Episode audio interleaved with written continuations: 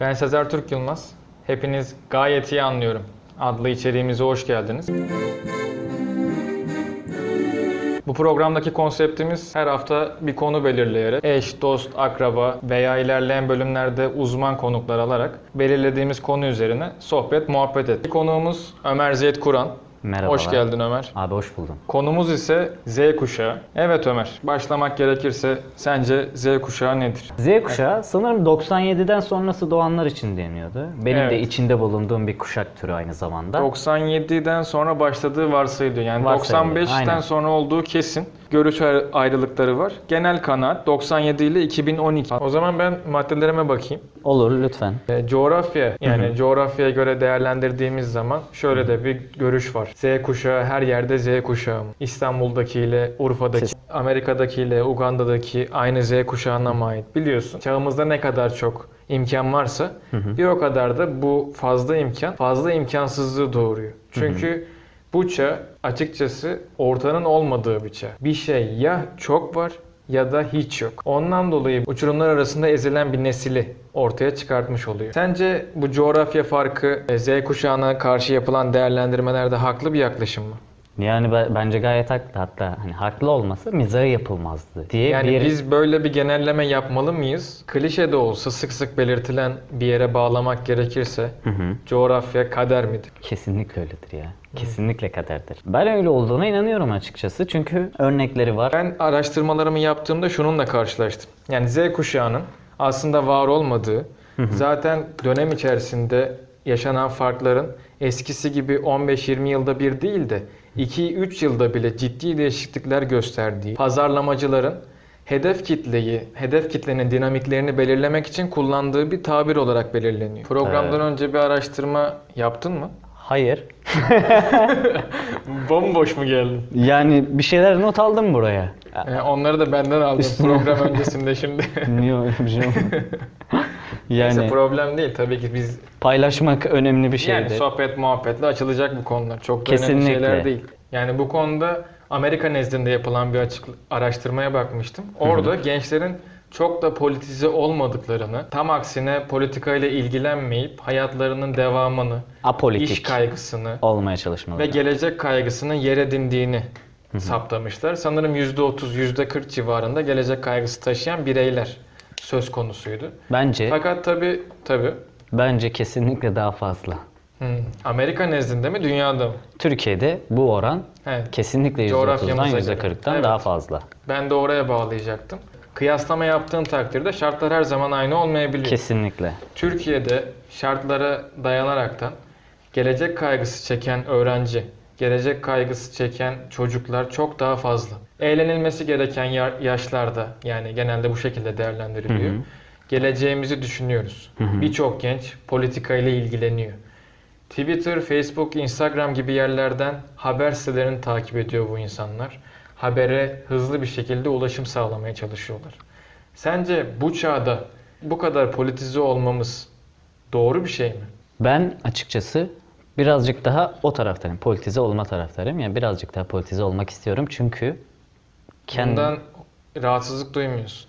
kesinlikle rahatsız duymuyorum. Huzurlu hissediyorum açıkçası. Bu birazcık daha taraf tutmak demek biraz yanlış olur ama hani herhangi bir şeyi desteklemek için e, yeterli bulamıyorum. Fikir. Mesela birazcık daha bu yaşlara geldiğimde bu kuşakların, Z kuşağının birazcık daha büyüdüğü yaşlarda bir sorgulama evresi başlıyor. Ve e, tabii ki her insandan insana değişiyor bulunduğun çevreye göre. Daha da erken başlayabilir, daha da geç başlayabilir. Ancak bu sorgulama dönemi başladığı zaman bir moda olduğunu söylendiğini duydum. Tam olarak nihilizm denmez ama bir hiççilik var. Yani sorguladıkları bilginin doğru olamayacağını anladıkları zaman Z kuşağında bir boşluk oluyor. Ben bir buhran yaşıyorum. Kimisi bunu atlatamıyor, kimisi çabuk kabulleniyor bu durumu ve ben artık nihilistim. Ben artık hiçbir şeye inanmıyorum gibi şeyler oluyor. Çeşitlilik demiştin sanırım. Evet. Çeşitlilikte şöyle bir şey yaşanıyor. Yani yaşanıyor mu sence? Onu sormak istedim. Tabii. Günümüzde birçok marka, birçok şirket, birçok fırsat, birçok seçenek bulunduğu için bu seçenek fazlalığına girince insanlar düşünme yetisini, karar verme yetisinde bir takım bozulmalar yaşanabiliyor. Kesinlikle. Çünkü sağa dönüyor başka bir şey, sola dönüyor başka bir şey. Bir takım stratejiler var. Ve Z kuşağı diye bahsettiğimiz çağda genelde 20 yaşını tamamlamamış bireyler oldukları için düşünceleri, fikirleri olgunlaşma aşamasında. Kaldı ki 20'den sonra ciddi bir olgunlaşma, ciddi bir oturma yaşandığı birçok insan tarafından söylenmekte. Dolayısıyla kolay manipüle olabilirler. Sence bu bilgi yoğunluğu, fırsat çeşitliliği insanları iyi mi et- etkiliyor, kötü mü etkiliyor? Düşüncen nedir? Sen ne düşünüyorsun bu konuda? Sen ne hissediyorsun? Fazla çeşit seni hoşnut mu ediyor, rahatsız mı ediyor? Karar verebiliyor musun? Beni rahatsız ediyor açıkçası. Çünkü e, karar verebilen bir insan değilim. Ancak şöyle bir durum var ki ben bir ayakkabı almaya çıktığım zaman sayamayacağım kadar fazla çeşit çıkıyorsa önüme ben bir seçim yapamıyorum elbette. Bir ticaret nesli olduğumuzu şeyden sonra düşünüyorum. Sosyal İkilem diye bir film izlemiştim Netflix'te. Evet. Gayet güzel bir filmdi. Orada da bahsettiği şey birazcık kabaca geçeyim. Sosyal medyanın, sosyal medya mecralarının insanları ne kadar daha fazla bağımlı edebileceğine dair bir şey. Yani aslında biraz komple teori gibi bir şey. Sürekli insanlar e, sosyal medyanın ne kadar tehlikeli olduğundan bahsediyor. Sürekli bunun üzerine konuşmalar yapılıyor ve bu bir yerde duruyor. Eylemler yapılıyor. Eylem dedin. Evet sen Evet. lafını bitirmek istersen edebilirsin. Tamam. Çok güzel bir yere değindin. eylemler yapılıyor. Ee, Çıkıyorlar sokağa sosyal medya kullanmayın ya da sosyal medyanın üstünden sosyal medya kullanmamamıza dair bir şeyler paylaşılıyor. Yani aslında buna ulaşmak da bir nevi şey oluyor. Hani sen buna ulaşıyorsan dizide şey filmde anlattığına göre sen böyle şeylerden ilgilendiğin için karşına bu düşüyor. Ve insanlar kullandığı sosyal medyaların üzerinden sosyal medyayı protesto ediyorlar. Protestolar demişken evet az önce sözünü kesmiştim. Aklıma şu geldi. X ve Y kuşağı daha çok hani nasıl diyeyim sana 80 darbesidir. 68 kuşağı denen kuşaktır. Daha çok sokakta 1 Mayıs'tır, şudur budur gibi kendini daha çok sokakta ifade, İfade eden ediyor. insanlar. Evet. Özellikle ülkemizde en son yaşanan olay da Gezi protestolarıydı. Yani ciddi bir biçimde büyüklüğe sahip olan protestoyu örnek vermemiz gerekirse Gezi'yi verebiliriz. Özellikle onların değerlendirilmesi ve bizim de çağımızın değerlendirilmesine bakarsak biraz pasif bir protesto var. Kesinlikle. Nedir bu pasif protesto? Hashtag. Yani aynen. Hashtag protestoları. e, Twitter'da hashtagle, change.org'da, Instagram'da e, veya Facebook'ta çeşitli kampanyalar, çeşitli etkinlikler başlatarak insanlar haklarını yani özellikle Z kuşağı haklarını böyle savunmaya başladı. Evet. Maddelerimin arasında sürat çağını not almışım. Sürat çağından kastım şu. E, tabii ki Z kuşağı teknolojinin içerisine doğan bir kuşak. Bunu ben seçtim, teknolojiyi ben yarattım gibi bir durumları söz konusu değil. Bu çağda her şeyin hızlı olması, her şeyin hızlı halledilmesi bir şekilde insanların kolayına geliyor ve insanlar bunu istiyorlar. Bundan memnun oluyorlar.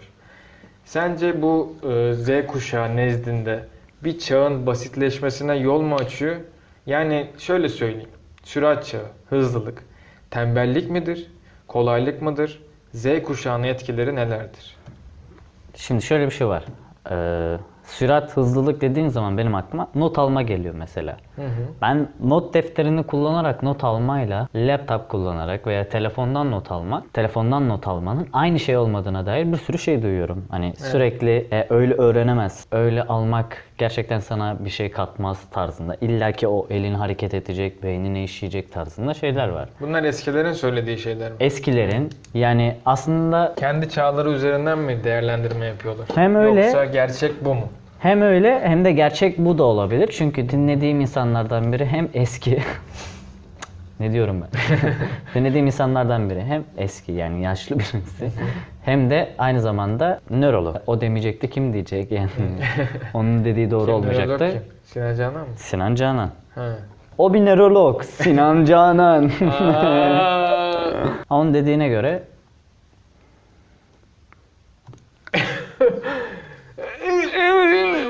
Whooper beni. onun dediğine göre ne diyor Sinan Bey? yazmak yani Sinan not Bey biraz almak. sinirlenmiş gibi oldum ama. Yok estağfurullah. Kendi kendine mi estağfurullah diyorsun? Aslında e, telefondan not almayla not defterinden not almanın aynı olmadığına dair belki de eski Sen evet sözünü bitir. telefondan not almayla not defterinden not almanın aynı şey olmadığına dair Görüşler mevcut. görüşler mevcut. Sen Yani Z kuşağı olarak hangisini tercih ediyorsun? Ve genel olarak sence hangisi tercih edilmeli? Şöyle, hiç not alan bir insan değilim. Ve samimi Hmm, yanlış söylüyorum. insana sordum. Aynen. Yani bu bir değişim hikayesi gibi bir şey de değil. Şu an not alıyorum. bu bir motivasyon şeyi de değil. Bana bir şey kattı mı? Yani not alıyorum sadece. Deftere para veriyorum yani. Evet. Bunu Ee, deftere para vermek olarak mı değerlendiriyorsun? ha işte kitap pahalıdır diyen insan insan değildir. yani ben bu deftere e, para veriyorum. Değişim tek o oldu gibi gözükse de aynı zamanda Sinan Canan'ın yaptığı, kendince belirttiği görüşleri, kendince diyorum ancak adam bir doktor.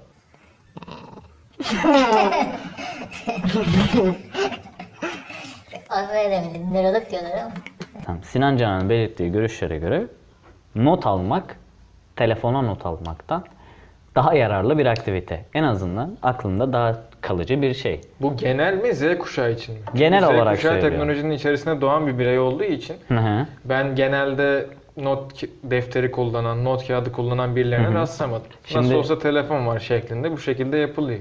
Ha ne kadar dönülüyordur, bakılıyordur Aha. onu bilemem. Fakat Z kuşağı kolaylık demeyeyim de yani bir nebze daha bunları tercih ediyor gibi. Teknolojinin dışında Hı hı. kağıtla irtibatları düşük. Yani hani çünkü gerek duymuyorsun.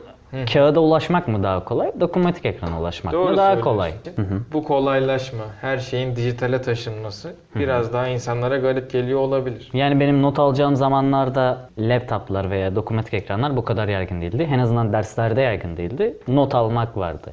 Şimdi bir karşılaştırma yapacak olsam e, bu saatten sonra not aldığım her bilgi ilgimi çeken, merak ettiğim, üzerine düşündüğüm ya da üzerine düşüneceğim şeyler olduğu için bir karşılaştırma yapamıyorum. Hangisi daha yararlıydı? Çünkü dediğim gibi yazacağım şeyler farklı şeyler oluyor not aldığım şeyler. Ama şöyle bir şey var ki ben telefona not almaya başladığım zaman dikkatim çok çabuk dağılıyor. He, Daha bu- çok dağılıyor. Bir Evet. de bu. Zaten en büyük sorunlarımızdan biri bu. Yani ikimiz de Z kuşağı içerisinde yer, al- yer alıyoruz genel kanıya, genel Aha. tabire göre. Az önce de bahsettiğimiz gibi çok çeşitten kaynaklı. Hangisini seçeceğimizi bilemiyoruz. Arada kaldığımız için de dikkatimiz dağılıyor, odaklanamıyoruz. Çünkü ulaşabileceğimiz birçok şey var ve hiçbirine yetişemiyor gibi hissediyoruz. Evet Yani aslında aynen. Sen böyle hissediyor musun bilmiyorum da benim bazen böyle hissettiğim oluyor. Benle de hani bir işin içine girdiğim zaman Instagram'da komik video izlemeye başladığım zaman sanki hepsine yetemeyeceğim. Hani başladım, izlemeye başladım. Ardı arkası kesilmiyor. Ve hiçbir zaman kesilmeyecekmiş gibi de bir his var. Evet. Ta Yani- ki ben uyuyana kadar. Yani bir Z kuşağı bireyi olarak bu seni kötü etkiliyor veya bu konuda kendini durduramıyor musun? Şöyle Z ki- çünkü en büyük sorunlarından biri sosyal medya kullanımı, dijitalliğe bağlılık Evet. gibi söyleniyor. Evet. Ve en çok verilen örnek de şu, e, Z kuşağı dijitale çok ciddi bağlı olduğu için Hı hı. herhangi bir teknoloji kaybında elektrik kesintisi olsun, şarj bitmesi Mal olsun, telefon kaybı ortada kala kalır. Bilinçsizleştiriyor bir var. gibi evet. diyorlar. Yani Aynen. mesela sallıyorum bir yere gidiyor. Navigasyonu açmış bir vaziyette.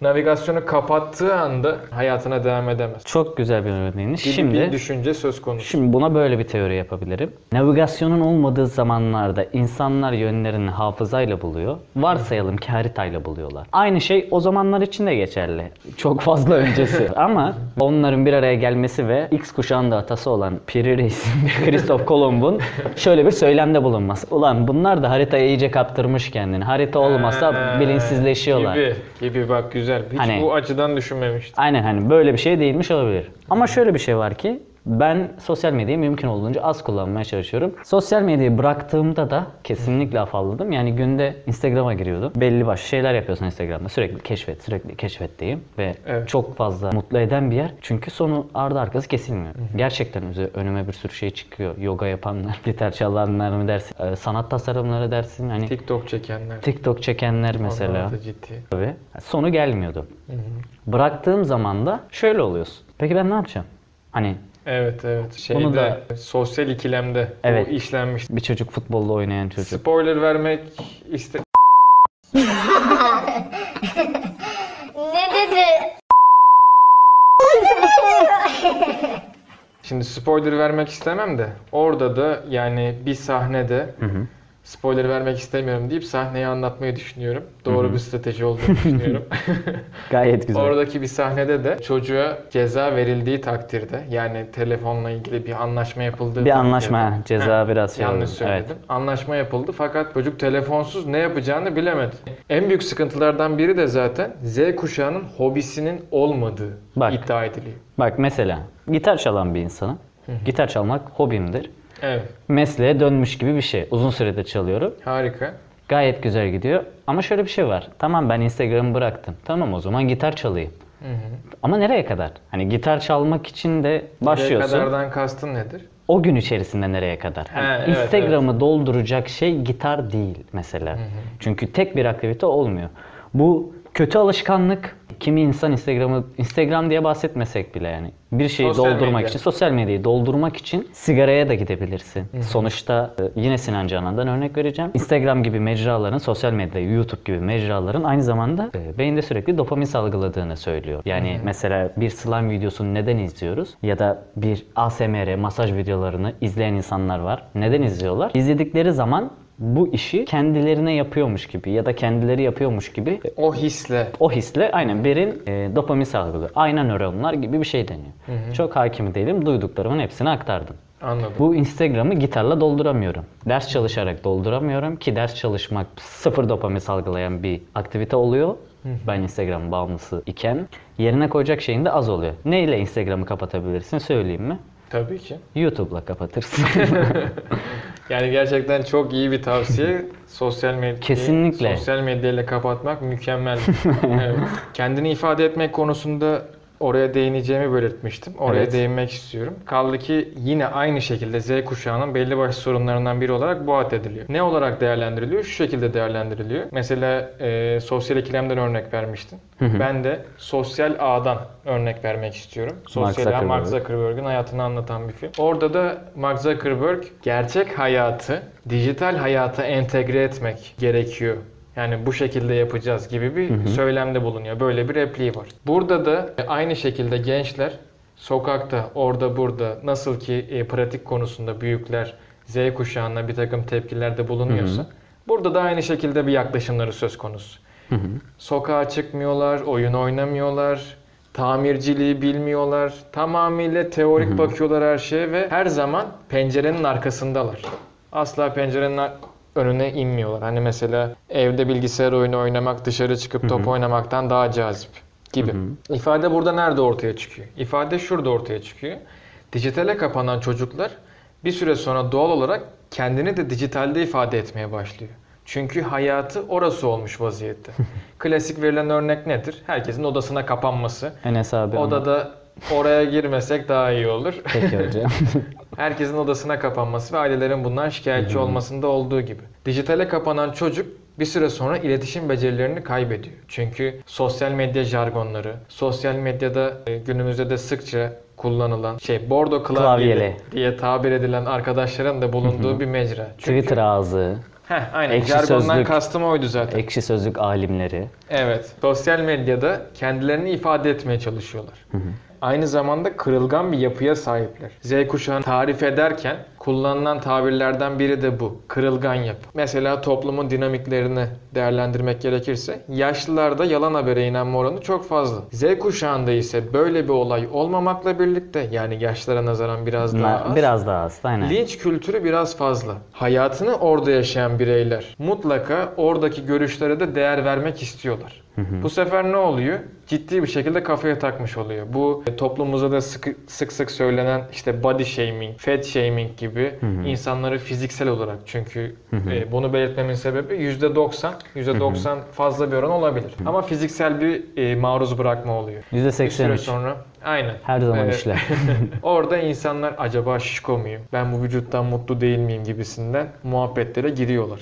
Ya bunu diyeceğim. Mesela bir yerde okumuştum ve duymuştum ancak neresi hatırlamıyorum. Kuşağın tek gayesi gibi diyeyim sana. Dış görünüşlerinde birazcık daha kusurları, kusur demem ben. Çünkü ben de sahip olduğum için. Ne Şöyle mesela? düşün. Mesela acaba Burnun biraz büyük. He. Yok hocam ne alakası var? Yani mesela liseden mezun olduktan hemen sonra direkt estetisyene koşmaları, bir taraflarını düzeltmeleri, çoğu burunu düzeltir. Ne bakıyorsun? Şimdi burnun biraz evet neyse. Hayattaki en büyük amaçlarından birisi de dış görünüşünü düzeltmek. Yani bu aslında birazcık da dayatılıyor. O bireye o bireye o bireye, o bireye dayatılıyor birazcık da kendini rahatsız hissediyor.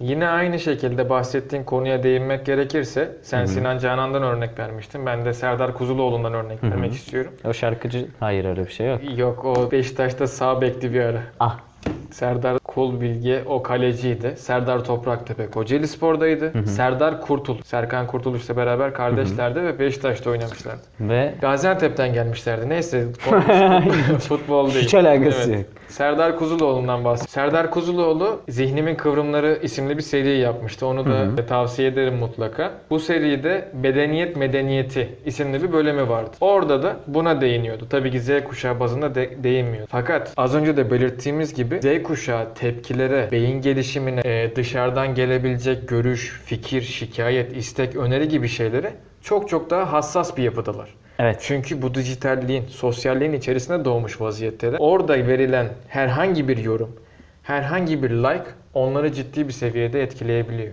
Kesinlikle. Az like, az yorum, çok e, like kötü çok yorum. He, kötü yorum gibi şeyler etkileyebiliyor onları. Bedeniyet medeniyetinde de şöyle bir şey var. E, o uçurumdan pardon ikilemden bahsedecektim. İkilem şu. Bir yandan benim kendi bedenim deyip özgürlüklerini savunurken sağlıksal açıdan kötü bir poz- pozisyona da ilerleyebilirler. Yine o ya hep ya hiç. Heh, Yani, ya Sezer çok öyle. konuşuyorsun. Evet. Tamam oğlum hiç konuşmayayım o zaman.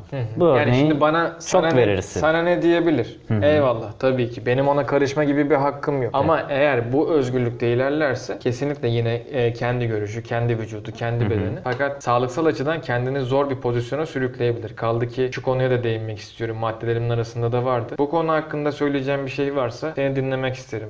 Diğer maddeye atlamadan. Bu konu hakkında aslında konuştuğumuz bütün konuların üzerine bir örnek oluyor bu. Bu zamana Evet, kadar evet. ne konuştuysak da yani bir ortayı bulamama. Evet. Bir şeyler Genelde oluyor. söz konusu olan şey o. Ha, şunu diyecektim. Şöyle bir çağda olduk ki bilmem hatırlar mısın? Fame Poppy.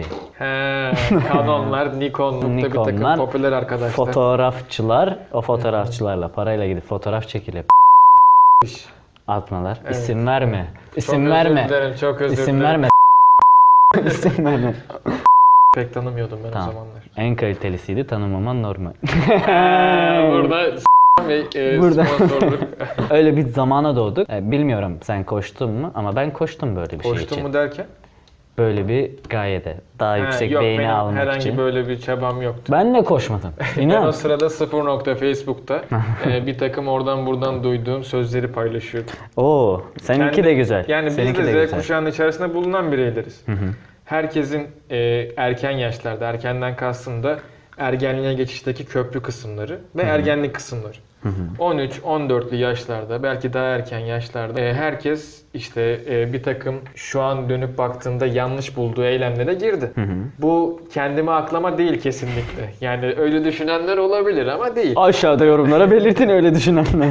Kendimi aklama değil fakat hani o zamanlarda da sen yapmışsındır, ben yapmışımdır, başka birileri Öyle yapmıştır. sen yapmışsındır diye işaret etme. Ben kendime taraftar arıyorum o yüzden. yanlış yaptığımı düşünmek istemiyorum o yüzden. Bence gayet yanlış O şey dönemin değil. gereği. O dönemin yani Beynim ge- yeterince aslında çağ, gelişmemişti. ayak Atakan uydurumu. değildi. Atakan 10 yaşındaki kitap Aa okuyor. şey Atakan. E, Indigo çocuk. He filozof Atakan. Filozof Atakan. O döneme bakarsan yani şöyle bir şey. 80'lerde bu saç gerçi modasını da çok bilmiyorum. Eksik bir tabir olur Bilgin ama olmadan konuşmazsan sevinirim. peki peki Yok estağfurullah. hani bir çağın modasını o zamanlarda yaşamak ya da ben eskilerden değil de kendimden örnek vereyim. Winamp'tan müzik He, dinlemek. tabii, tabii, Winamp'tan müzik dinlemek yaptığımız şey aslında. O efsane zamanlar, Cashflow, Hayata Küstüm, İrem, Hayalet Sevgilim gibi şeyler bizim zamanımıza da denk gelen fakat Bir ucu yansıyor. aynen Y Tam- kuşağı kadar aynen. bizi etkilemeyen. Tam aynen tam o kadar çok dert fazla çekmiyoruz. Yani MSN'nin de bir kısmını kullandık. Tabii tabii. Ama oradan bir flörtümüz olmadı. Yani hiçbir Yani- zaman Ayla bizim için o oturum o Ayla bizim için He, açılmadı. onların zamanında şey vardı, yonca tarzında oluşumlar vardı. Yonca. Ee, yani MSN Yonca'nın- durumları. MSN'den önce işte yonca Aha. tarzında uygulamalar, tanışma tarzında bir uygulamalar varmış. Şimdi yanlış bilgi vermiş olmayayım. Onun öncesi de radyo mu? Fakat öylesini bilmiyorum. Onun öncesi telgraf. Biz de Z kuşağında olduğumuz için kendimizi orada ifade edip ilişkiler, sosyal medyada kendini ifade etme, gerçek hayattan kopma gibi durumları biz de yaşamıştık. Sen MSN'den ilişki yapmadım demiştin. Fakat Yani yapmadım dedim ama e, ilişki olmadı. He, Birisine açıldım mı? beceremedin. Tabii ki de. Beceremedin değil. Doğru tabirlerimizi kullanabilir miyiz Ben- zaten? Şimdi burada Z kuşağı, M kuşağı, bilgin milgin bir şeyler anlat bir şeyler anlatıyoruz. Yani beceremedi. Evet. Hı hı. evet izninle iletişim probleminden bahsetmiştik. Yani İnsanların yani Z kuşağının kendini ifade etmesinden falan bahsetmiştik. Ben depresyon ve intihar oranlarına değinmek istiyorum. Depresyon ve intihar oranları son zamanlarda ciddi seviyede artmış vazi- vaziyette ve ilerleyen zamanlarda da bu artışın devam edeceği söyleniyor. Hatta geçenlerde de Kocaeli'nde bir Evet, arkadaşım Furkan yaşıtımız, Celep. yaşıtımız intihar etti. Allah rahmet eylesin. Allah rahmet eylesin. Az önce de bahsettiğimiz gibi coğrafi, hayati koşullar, kaldırıp kaldıramama gibi dert durumlarıyla baş ederken bu sosyal medyaya giriş onları arkadaşım var ama aslında yok gibi durumlara itiyor. Sahte arkadaşlık. Evet. Hı. Yani oradan edindiği arkadaşlar dolu. Kaldı ki Evet. eskiye nazaran daha heterojen bir arkadaş grubuna sahibiz. Çünkü e, çeşitli uygulamalar mevcut. Dünya vatandaşlarıyla iletişime geçebileceğimiz Kesinlikle. uygulamalar mevcut. Dolayısıyla çevremizdeki arkadaşlarımızın İspanya'dan, Amerika'dan, Özellikle Almanya'dan e, Maviş diye bir arkadaşımız var Filipinler'de. Evet buradan selam söylüyoruz Selam ona. olsun. Rusya, Ukrayna, Filipinler gibi bölgelere özellikle ilgi duyuyor. Kesinlikle. Kaldı ki- Bir nevi iş, iş seyahati gibi. Oraya gidip iş yapıyor. Kesinlikle, kesinlikle. Yani bunların artık artmasıyla birlikte Hı hı. insanlar gerçek hayata girdiklerinde, sokağa çıktıklarında arkadaşlarının olmadıklarını, iletişim kuramadıklarını, kendilerini ifade edemediklerinin farkına varıyor. Belki biz de yapmışızdır bunu fakat birçok ortamda Muhtemelen, aynen. rastlamışsındır. Muhtemelen. Ee, Starbucks'ta, çeşitli kahvelerde, kafelerde insanlar oturuyorlar ve sadece telefona bakan, sadece susan, telefonla oynamak için buluşan bir kitle söz konusu. Yani bunun sebebi insanların konuşacak bir şeyinin olmaması. Yani bu Z kuşağını kastediyorum. Hı hı. Ve konuşuluyorsa da aga hadi anlat da hesabı gibi Aynen. girilmesi. Çok fazla Bu konuda uzadı. Cem Gelinoğlu'nun bir vine'ı vardı. Öldüler. Öldüler diyor. Yani bunun gibi sürat çağıyla Evet. bağlantılı konuşmak gerekirse böyle bir durum söz konusu. Depresyon ve intiharı tetikleyen şeylerin bunlar olduğunu düşün, düşünüyorum. Sen de böyle He. mi düşünüyorsun? Yani bizzat yaşadığım mesela Hı hı. kafelerde olsun arkadaşlarımla yeteri kadar muhabbet edemediğim ya da muhabbetten keyif almadığım ya da telefonunu açan biri sana ya indir şunu dediğim ya da bazen gerçekten bir insanın konuşurken sıkılmam ve hani, tamam yeter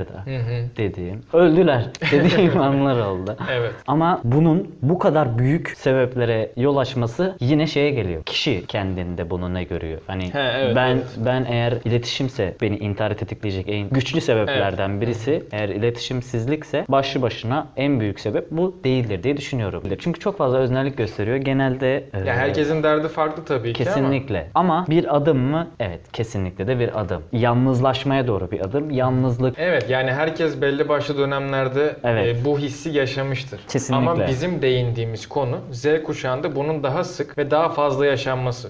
Yani bundan da mütevellit e, şurada notumu almıştım ona bakmam gerekiyor. İlgi, paylaşma, kendini anlatma ve övme ihtiyacı ciddi oranda hissediliyor.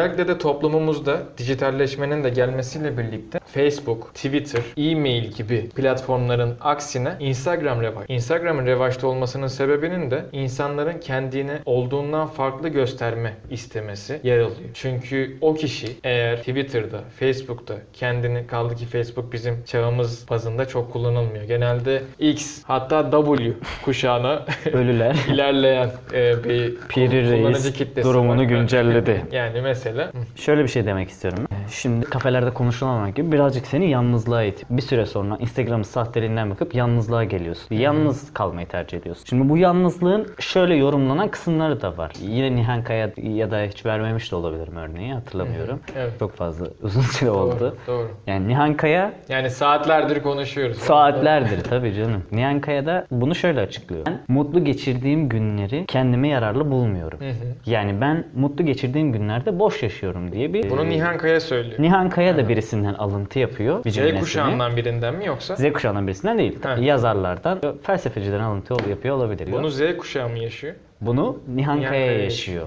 Bunu da şöyle açıklıyor. Aslında bir öneri gibi hepimizin olacağı. Ancak tabii ki de değişken hepimiz kaldıramayız. Mutsuzluğun mutluluğunu da şöyle açıklıyor. Evet. Mutlu geçirdiği günlerde hayatına hiçbir şey katmadığını, katamadığını fark ediyor. He. Ve mutsuz olduğu günlerde de insan mutlu olmayı arar. Biz Z kuşağı olarak pek aramıyoruz. Buna değinebilirsin. Notunu al. Ben değineceğim çünkü. Tabii. Biz mutsuzken mutluluğu pek fazla kurcalamıyoruz, aramıyoruz. Yani birazcık daha o halimize Arabesk vari mi takılıyoruz? yani aynen aslında mut- mutsuzluğu tamam mutsuzum bitti. Çabalamamak. Yani birazcık onun için çabalamıyoruz. Tabii ki de değişkenlik gösteriyor. Evet. Bir genelleme yapamıyoruz. Ve de şöyle de bir şey var. O mutsuzken hep bir arayış içinde olduğu için kendine asıl o zamanlarda bir şey katıyor ve kendisini hem her anlamda orada keşfediyor. Yani mutsuzluğun, mutluluğunu böyle faydalı buluyor ve böyle öneriyor. Ben bunu yapan bir insan değildim. Hı hı. Mutsuzken tamam mutsuzsun. Birazcık palyanço vari takılmaya gerek yok hani. Mutsuzum arkadaşlarıma gideyim ve espri yapayım. İşte kendine hem mod yükseltme falan. Yok. Evet. Hani mutsuzken mutsuzsun. Ve e, mutlu olmaya dair de bir araştırma yapmıyordum. Çünkü kabulleniş gibi bir şey ya da bunu hiç öğrenememişim. Bu Anladım. bir tembellik bende. Hani Evet. gidip de mutlu olmak için ne yaparım? Yeni şeyler bakayım gibi bir şeye ihtiyacım olmadı. Çünkü yeni diye bakacağım her şeye internetten bakabiliyordum. Hmm, bu değindiğimiz çeşit farklılığı, çeşit fazlalığına da Aynen öyle. e, değinmiş oluyorsun. Mutluluk de- demiştin. Ben orada biraz daha farklı düşünüyorum. Çünkü orada nasıl ki sosyal medya kullanımı fazlaysa bunu hazza, zevke ve mutluluğa hani dopamin, endorfin artık mutluluğu ne salgılıyorsa serotonin de olabilir. Bunlara bağlıyorum. Hepsinin çeşitleri var.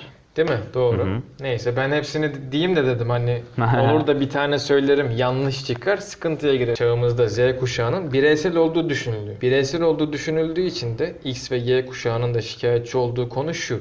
Aileden kopuş yaşanıyor. Bunun sebeplerine baktığımızda, sebepleri araştırdığımızda mutlulukla bağlantılı olarak ben şunu düşünüyorum. Kullandığın, alakadar olduğun eylemler senin mutluluğundan kaynak. Yani bu nedir?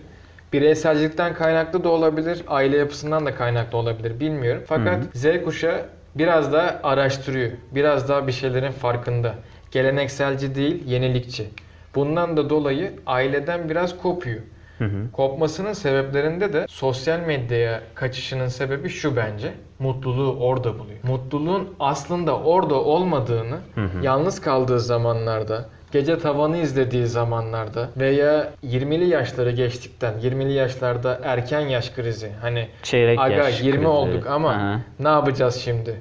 Yolumuz nereye gibi bir krize girdiği sırada çeyrek yaş krizi evet doğru söyledin. Bunların farkına varacak. Tabi bunların farkına vardığında geç de olabilir, e, erken müdahale etmiş de olabilir.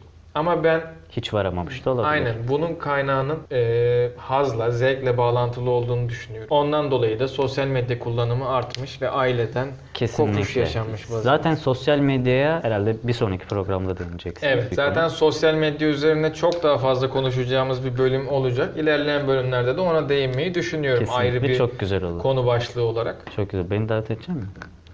Yani bakarız. Konuk bulamazsak Peki. mecburen seni çağırmak zorunda kalacağız. Peki, teşekkür ederim. Aslında öncelerde vermiş olduğum şey örneği var ya, o şeyi ben yapıyormuşum gibi bir salgı. Aynan Ören, Sinan Can'ın örneği Evet. falan. O, o, o zaten aslında bir nevi bizi köleleştiriyor gibi bir şey. Hani He. hani sen mutluluğu ara, O ihtiyaç duymuyorsun. cihazlarda materyalist olarak Hani aynen. onlara bağlıyorsun. Mutluluğu orada arıyorsun ve buluyorsun. Çok kolay buluyorsun. Evet. Yani Z kuşağının e, özellikle bu ticaretin de gelişmesiyle, pazarlama seçeneklerinin de artmasıyla fazla tüketmesinin sebebini de bunlara bağlayabiliriz diye Aynen öyle. düşünüyorum ben. Ben konu başlıklarını incelerken senin de komisyon, kurum olarak burada ne yaptığımıza dair seyircilere bilgilendirmeni isterim. Tabii çok güzel Söz olur. sende. Biz burada arkadaşlar fikri olan her insanı bir araya getirip projesi olan, projesi olmasına pek gerek de yok. Sadece sanata, müziğe ve benzeri alanlara yüksek ihtimalle videodaki açıklamada veya kanalın açıklamasında belirteceğim bunları. Bu tür alanlara ilgi duyan arkadaşları bünyemizde toplayıp onlara elimizden geldiğince yardım edip hep beraber bir iş yapmaya çalışıyoruz. Mesela atıyorum sizlerin müzikle ilgili bir projesi var. Geliyor projesini bize sunuyor. Benim var mı böyle bir projem? Benim haberim yok çünkü. Keşke olsa. He, Keşke Bakalım. olsa. Evet ilerleyen zamanlarda. İnşallah. Müzikle ilgili bir projem var ve geliyorsun, sunuyorsun. Biz üzerine gidiyoruz ve bunu değerlendirmeye çalışıyoruz. Elimizden geldiğince. Evet. Müzikte yalnızca ben de değil, birkaç tane de arkadaşım var. Oldukça yetenekli, kendilerince bir yerlere gelmiş insanlar.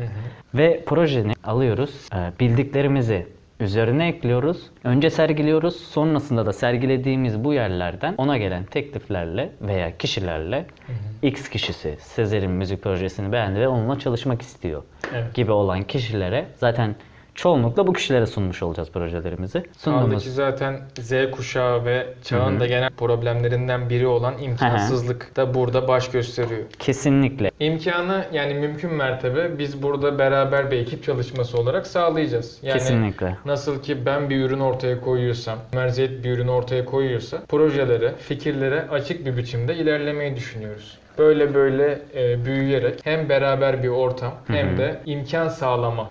o o o sorunu aradan Evet. çıkarmaya çalışıyoruz. Yani Ömer'in çocuk de var, bahsettiği gibi projem var, iletemiyorsun, zamanın yok, ekipmanın imkanın yok, yerin yok, işte fikrin var ama üzerine ekleyeceksin, senaryo yazamıyorsundur ve benzeri bir sürü şey. Tabii. Mümkün olduğunca böyle şeyleri Değerlendirmeye e, değerlendirmeye alıp, ar- arge hani bir nevi araştırıp geliştirmeye çalışıp bunları pazarlıyoruz. Yüksek ihtimalle şu anda şuraya bir yere bize ulaşmanız için gereken Gmail'dir ve benzeri işleri koymuş olacaktır.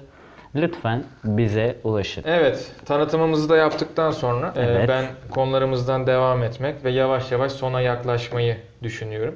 Son konu başlıklarımızdan biri az çalışma. Nedir az çalışma? Şu. Yine aynı şekilde X ve Y kuşağının eleştirdiği veya yanlış bulduğu söylemlerden birisi. Gençler, Z kuşağı az efor sarf ederek fazla para kazanmak istiyorlar. Tabi burada doğru bir değerlendirme yapılması için iki tarafın da görüşünün belirtilmesi gerekiyor. Ben burada Z kuşağının cevabını da belirtmek istiyorum. Z kuşağının cevabı şu. Siz zamanınızda çalıştınız. İngilizce bilmeyen, neredeyse ciddi bir efor sarf etmeyen birçok insanın işe girebildiği bir devirde işe giriş sağladınız. Oradan kazandığınız 3 milyar, 4 milyar gibi miktarlarla ömrünüzü geçirdiniz. Fakat biz kendimizi köle olarak işletmelere pazarlamak istemiyoruz. 9-5 ofiste masa başında oturmak istemiyoruz. Biz çok çalışma, hiçbir şey yapmayayım ama çok para kazanayım. Yani bu dertte olanlar da var tabii Var ki. tabii, Fakat evet. e, Çoğu- genelde evet, bu çoğunluk bu, değil. şekilde değil. Hı hı. Fakat dünyanın genel resmine baktığımızda ve özellikle ülkemizin içinde bulunduğu duruma baktığımızda Z kuşağının bu düşüncesinin içinde de bulunan bir birey olarak çok da yanlış bir düşünce olmadığını düşünüyorum. Sen ne düşünüyorsun bu konuda? Ben de aynen öyle. Hemen hemen neredeyse aynı şeyler. Çünkü hani bizi yetiştiren nesil fabrikada çalışan bir nesil. Hani fabrikaların moda olduğu, güzel bir iş olduğu. Hani Evet. okuyamamış.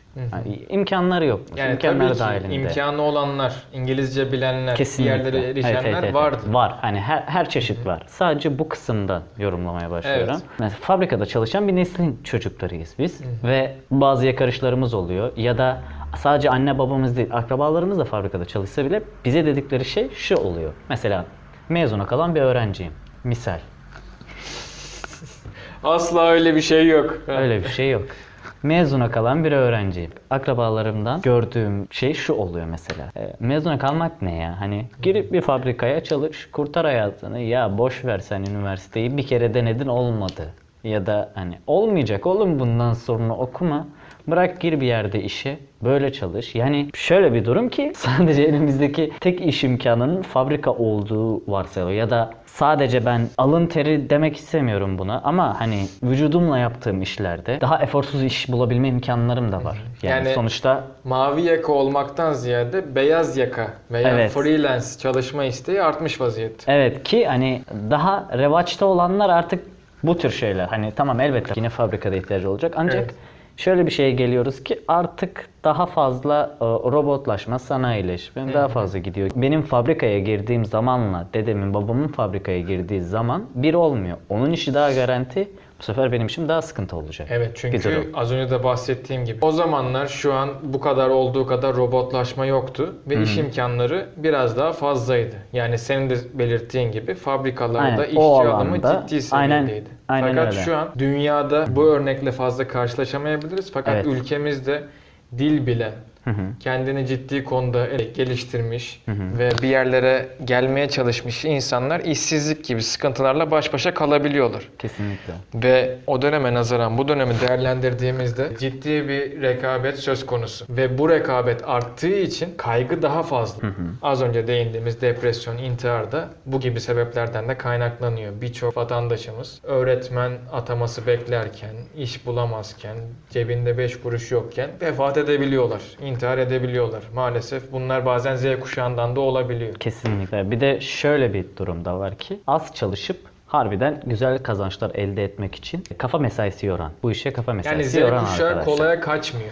Yani sence kaçıyor mu? Bence kaçan kısım da Sebepleri, var. sebeplerini az Aha. önce değerlendirdik. Evet, sohbetimizin sonuna gelirken 2-3 soruyla e, sohbetimizi bitirmek istiyorum. İlk sorum şu.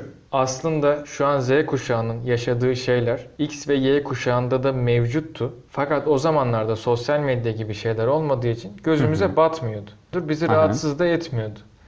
Sence Z kuşağına tepkili olan kısmın sebebi bu mu? Gözüne fazla batması? Yani olabilir. Hani herhangi bir sebepte de insanın gözüne fazla battığı zaman seni rahatsız eden bir duruma geliyor. Evet doğru. Yani bunu tabii ki de bilemem. X, Y kuşağı olmadığım için tam empatimi şu an yapamıyorum. Çünkü 4 saattir buradayız. Evet, öyle bir şey yaşandı. Öyle bir şey olduğu için ancak yorum yapılabilir. Anladım. 2 saat olsaydı yorumumu yapardım yüksek Anladım. ihtimalle. Ben de aşağı Sen- yukarı evet, senin lütfen. gibi düşünüyorum. O kuşak da yani o insanlar da zamanında bu platformların muadilleriyle karşı karşıya gelmişler ve bu yaşlardan geçmişlerdi. Dolayısıyla göze batma durumunun biraz daha bizim neslimizde gerçekleştiğini ve onların da bunu yaşadığını düşünüyorum. Diğer soruma geçmek gerekirse. Genelde yine gerek X ve Y kuşağından gerek Z kuşağından genel bir kanıda da şu var. Z'ye, Z'yi eleştirenler Z'den daha iyi mi de Z'yi eleştirme hakkı var mı Ya, gibi ha, ha. söylemler var. Sence yani senin bu soruya cevabın nedir? Yani kesinlikle hani bir yere bir, bir şeye çamur atıyorsun ama önce Sen kendi nesin sen gibi. nesin hani fikrim dümdüz bir şekilde ya bu Z kuşağı da hani sosyal medyaya anladım. girmekten başka hiçbir şey yapmıyor ya da basit bir eleştiriyle eleştiriliyorsa ve e, üzerine çok fazla yoğunlaşmadan bir eleştiri ise o zaman derim ki sen kimsin? Evet anladım. Kaldı ki zaten e, yine genel kanılardan biri de şu. Yani Z kuşağı diye değerlendiriyorsunuz fakat bu çocuklar daha 20 yaşına geçememiş çocuklar. Şey, olgunlaşmayı zam yavaş yavaş gerçekleştirirken yetişmeyi aileden almışlar. Dolayısıyla X ve Y kuşağının ürünü olduğu söyleniyor Z kuşağı için. E, Z kuşağını suçlarken veya eleştirirken bunlara da dikkat edilmesi gerekiyor. Kesinlikle yani sonuçta böyleyim ama senden ötürü böyleyim. Evet. Şimdi konuştuk, ettik. Z kuşağını değerlendirdik. Son olarak yine bizim üzerimizden Z kuşağını yaşayan diğer bireyler üzerinden değerlendirmek gerekirse sence daha 20 yaşına gelmemiş birçoğu için böyle bir kuşak için erken mi davranıyoruz? Eleştirilerimiz yersiz mi? Eleştiriler pardon eleştirilerimiz dedim. Yoksa ağaç yaşken mi eğilir? Yani erkenden müdahale mi etmeliyiz? Veya erkenden müdahale etmek isterken proje çocuk gibi mi davranılıyor? Anladım. Bence çok önemli bir konu. Sonuçta Z ve bu yapılan, yapılacak olan eleştiriler ya da üzerine gidilecek olan e, tahminler, çıkarımlar Z jenerasyonu için yapılacak olan her şeyin ne kadar çocuk olsalar da bence gayet yerinde ve zamanında olduğunu düşünüyorum. Çünkü ne kadar erken anlayabilirsek, anlayabilirlerse bizi diyeyim. Bu hem onlar için hem bizim için hem çocuklarımız için bir sonraki alfa kuşağı için buradan selam. bir sonraki kuşak için e, faydalı olur. Hem de çok fazla faydalı olur. Çünkü yani bir geleceği inşa ediyorsun. Yani aslında büyük liderlerin gayesi de buydu. Arkasında birisini bırakamadığı, yetiştiremediği şey buydu. Onun Yani sen daha çok ağaç yaşken eğilir tarafında olarak kendini sınıflandırıyorsun. Kesinlikle. Çok da fazla müdahale edilmemeli. Yapılması gereken tek şeyin anlamaya çalışmak olduğunu düşünüyorum. Çünkü Evet, ben de. müdahale özgürlüğü, kişiliği kısıtlayan bir durum olabilir Evet. diye düşünüyorum. Ben de Z kuşağında yaşayan bir birey olarak gerek küçüklerim gerek yaşıtım insanlara baktığımda bu yaklaşımın biraz daha üstüne gidilme olarak değerlendirildiğini ve çocukları rahat bırakmak gerektiğini düşünüyorum. Soruda da olduğu gibi bu baskıların yersiz olduğunu yani yersizden kastım şu fazla gidiliyor. Yine müdahale edilebilir. Yine e, bir takım tavsiyelerde, önerilerde bulunabilir. Hı hı. Ama biz de, bizden önceki nesiller de Kendi yolunu bulmuş. kendi yolunu bulmuşlardı veya tavsiyelerden, önerilerden sıkılmışlardı. Ders çalış gibi şeylerden birçoğumuz sıkılmıştır. Kesin. Ondan dolayı biz de Z kuşağında yaşayan diğer arkadaşlarımız da bizim de gerek bizden küçük Z kuşaklarına, gerek yaşıtlarımıza, gerek bunu izleyen diğer X ve Y kuşaklarından büyüklerimize de belirtmek istediğimiz, anlatmak istediklerimiz şeyler bunlardı. Kendimizce bu konuyu değerlendirdik. Bu konu üzerine hasbihal ettik ve e, muhabbetimizi artık sonlandırıyoruz. Bizi izleyen ve dinleyenlere teşekkürlerimizi borç biliriz. Kanal içerisinde komisyon olarak farklı içeriklerle karşılaşacaksınız ve mevcut olan bu konsepte farklı konularla, farklı konuklarla devam edecek. Abone olun, like atın, yorum atın gibi şeyler söylemeyi ben haz etmem. Söyleyen insanlardan da Hiç. haz etmem. Fakat ne kadar çok insana ulaşırsak, ne kadar çok fikirle karşılaşırsak o kadar iyi. Yorumlarda Z kuşağından veya X, Y'den olan bireylerin görüşlerini belirtmesi bizim için değerli. Aynı şekilde Ömer arkadaşımın da belirttiği gibi bize ulaşmanız, projelerinizle bize gelmeniz bizim için değerli. Teşekkür ediyoruz. Görüşmek üzere. Kendinize iyi bakın. Niyankaya diye e, bir yazar. Özür dilerim. Evet.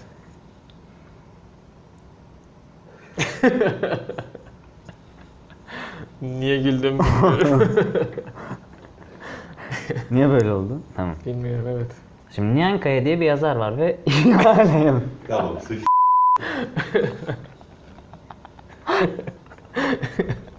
Nihan Kaya bu kadar komik mi? evet. Şimdi Niyankaya